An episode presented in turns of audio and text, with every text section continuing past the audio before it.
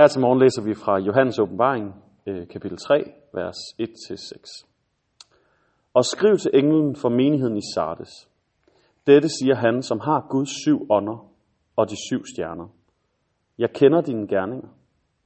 Du har ord for at leve, men er død. Vågn op og styrk resten, som er døden nær. For jeg har ikke fundet, at dine gerninger er fyldesgørende over for min Gud.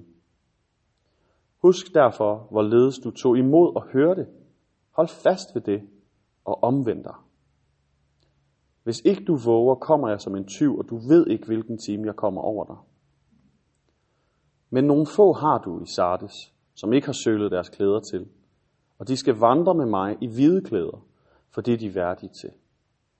Den, der sejrer, skal klædes i hvide klæder, og jeg vil aldrig slet hans navn af livets bog, men vedkend mig hans navn over for min far og hans engle. Den, der har ører, skal høre, hvad ånden siger til menighederne. Amen. Inde på mit kontor, der øh, har jeg et, et enkelt billede, som øh, når jeg har sjælesorg, så er der folk, der ofte kommer til at kigge meget på det. Øh, jeg har selvfølgelig det meget livsbekræftende med Michelangelo, hvor Gud fader, han skaber Adam, og deres fingre rører hinanden op i himlen. Og, og jeg har selvfølgelig også billeder her fra kirken med, med Jesu dåb og, og øh, faderen og sønnen, der mødes, den fortabte søn. Men så har jeg et billede, som er lidt mere ildevarslende. Det er de 10 brudpiger. Og det, øh, det er jo et dystert billede. Det er også en ret dyster historie. Fordi den handler om øh, nogle brudepiger, som havde fået den ære at få lov til at gå med i kongesøndens bryllup, og som havde fået lov til altså at skulle forberede sig, finde den hvide kjole frem, Sæt håret, Gør sig klar til den store fest, og som ikke formåede at gøre sig klar, som ikke holdt sig klar, som ikke holdt sig klar til kongesøn. Og den her tekst, den minder mig om, om den historie. Det her det er et brev til en menighed i Sardes. Og Sardes, det var en, en by med en ret speciel historie. Måske ikke så frygtelig speciel, men i hvert fald var det meget særligt. Vi ved noget om Sardes byen. Øhm, vi ved, at Sardes, den øh, for 600 år tidligere, der havde det været en by med en meget, meget høj selvtillid. De havde en selvforståelse som, at deres mure var uigennembrydelige, at de var en uindtrængelig enhed, at ingen fjender kunne fange dem. De, øh, Sardes lå på et højdedrag, som var meget, meget svært at komme op til. Og det eneste, der lå over dem, det var meget, meget skarpe og svære klitter, som man ikke regnede med, at nogen kunne bestige. Og det var der heller ikke nogen, der kunne.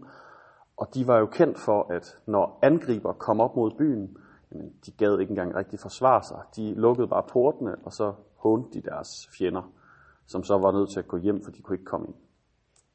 Men så kom kong Kyrus. Og man kan sige, at han var lidt brutal, man kan også sige, at han var meget, meget klog, for han sendte en god del af sin hær hen over den der livsfarlige klippeskrant. Og Sardes vågede jo ikke, for de regnede sig for uindtrængelig. Og det betød bare, at byen blev slagtet. Så Sardes, når de hører Jesus gennem Johannes' åbenbaring sige til dem, hvis ikke du våger, kommer jeg som en tyv, og du ved ikke, hvilken time jeg kommer over dig, så vil de kristne høre noget helt andet, end vi andre måske hører der. Mange af os, der kender Bibelen, ved, at Jesus han bruger det billede også. Vi ved, at Paulus han bruger det billede om, at vi skal våge. Men for dem så var det også et tegn på, at, at de er faldet i søvn, at de har forregnet sig, at de tror, at de er noget, som de ikke er. Og nu er det jo ikke kun til Sardes, det her brev er skrevet. Det er også til os i dag. Vi må tro på, at det også er relevant for os. Så måske skal vi også overveje, om vi er faldet i søvn. Måske det er derfor, der hænger det billede på mit kontor. Er jeg faldet i søvn? Tror jeg, at jeg er tæt på Gud, eller har jeg stadigvæk øje for, hvem han er i mit liv? For hans storhed, hans skønhed, hans sandhed. Lad ham stadig tale ind i mit liv, og, og lad mig omvende, når der er noget i mit liv, som ikke er, som det skal være. Der er to eller tre advarsler, han kommer med Jesus gennem Johannes i den her tekst. Han siger, at de skal vågne op og styrke resten, fordi de ikke har fyldesgørende gerninger. Og det kan man selvfølgelig gætte på, hvad i verden det betyder, at deres gerninger ikke er fyldesgørende, fordi øh, gerningerne kan jo ikke være fyldesgørende i forhold til frelsen. Det er jo, det er jo rimelig meget noget, Gud gør, frelser os. Men der er jo noget med vores helliggørelse, at, at det at, at leve helligt, og det at blive ved med at stræbe efter at komme nærmere Gud, at det er jo en ongoing proces. Hvad nu hvis de har mistet det at syne? Så er der det her med, at de ikke våger, at de ikke holder sig overvågne. Og det med at våge og, og blive vagt, det er jo, øh, det er jo vækkelsesnak. Og, og vækkelsesnak, det er fantastisk. Det er jeg helt på. Øh, og vækkelserne, det er bare specielt, fordi det er egentlig noget, som man som teolog ved, det er noget, som vi har regnet for ret ny ting. Men, men allerede et par, altså meget kort tid efter, at Jesus han er op til himmels, så er der en menighed i Sardes, som skal vækkes igen. Det er ikke noget, som først kom omkring opløsningstiden og frem efter. Det er noget, der allerede var fra starten af. At kristne, de skal vækkes igen. Og øh, fordi jeg går op i, at mennesker, der ikke kender Gud, møder ham igen, og fordi jeg går op i, at vi som kirke lever med Gud og lever tæt med ham, så har jeg altid været meget interesseret i det her med vækkelserne, og hvad der ligesom kendetegner dem. Og man kan sige, at der er, der er fire ting, som er vigtige, som vi kan se, sådan overordnede ting, hvor vi kan se, at stort set alle vækkelser, vi kender igennem kirkehistorien, de har de her fire ting. Og det er ikke en formel, det skal jeg lige huske at sige. Det er ikke, hvis vi bare har en tjekliste, så, så er det de her fire ting, vi skal. Men der er de her fire ting. Der er ekstraordinær bøn og forbøn. Det ser vi dem alle sammen. Ekstraordinær forbøn og bøn. Altså, det er svært at lige pinpoint, hvordan det skal foregå. Der var, der var Toronto-vækkelser, hvor det så ud på en helt bestemt måde. Det så slet ikke sådan ud på Luthers tid.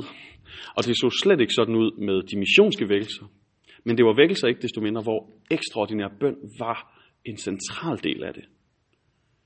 Og så er der en genopdagelse af nåden. Ikke sådan nåden hos den, der ikke tror, men en genopdagelse af, hvad nåden betyder for mig, der har fået troen, men måske har mistet kontakt med, hvor vigtigt det er. En genopdagelse af nåden. Det kan være fra en liberal teologi, som du har ladt komme ind, hvor Guds hellighed ikke rigtig betyder noget for dig længere, og dermed betyder Guds tilgivelse heller ikke rigtig noget. Eller det kan være fra moralisme, at du er gået for meget op i etikken, og du har gjort efterfølgelse til et sæt regler, du bare skal følge. Øh, eller det er relativismen, som ligesom har snedet sig ind, hvor alt er lige godt. Men der er en genopdagelse af nådens virkelighed her. Og der er en anger. Der er altid en anger hos de kristne. I alle kirkehistoriske vækkelser, hvor vi har god dokumentation, kan vi se tydelig anger hos de kristne.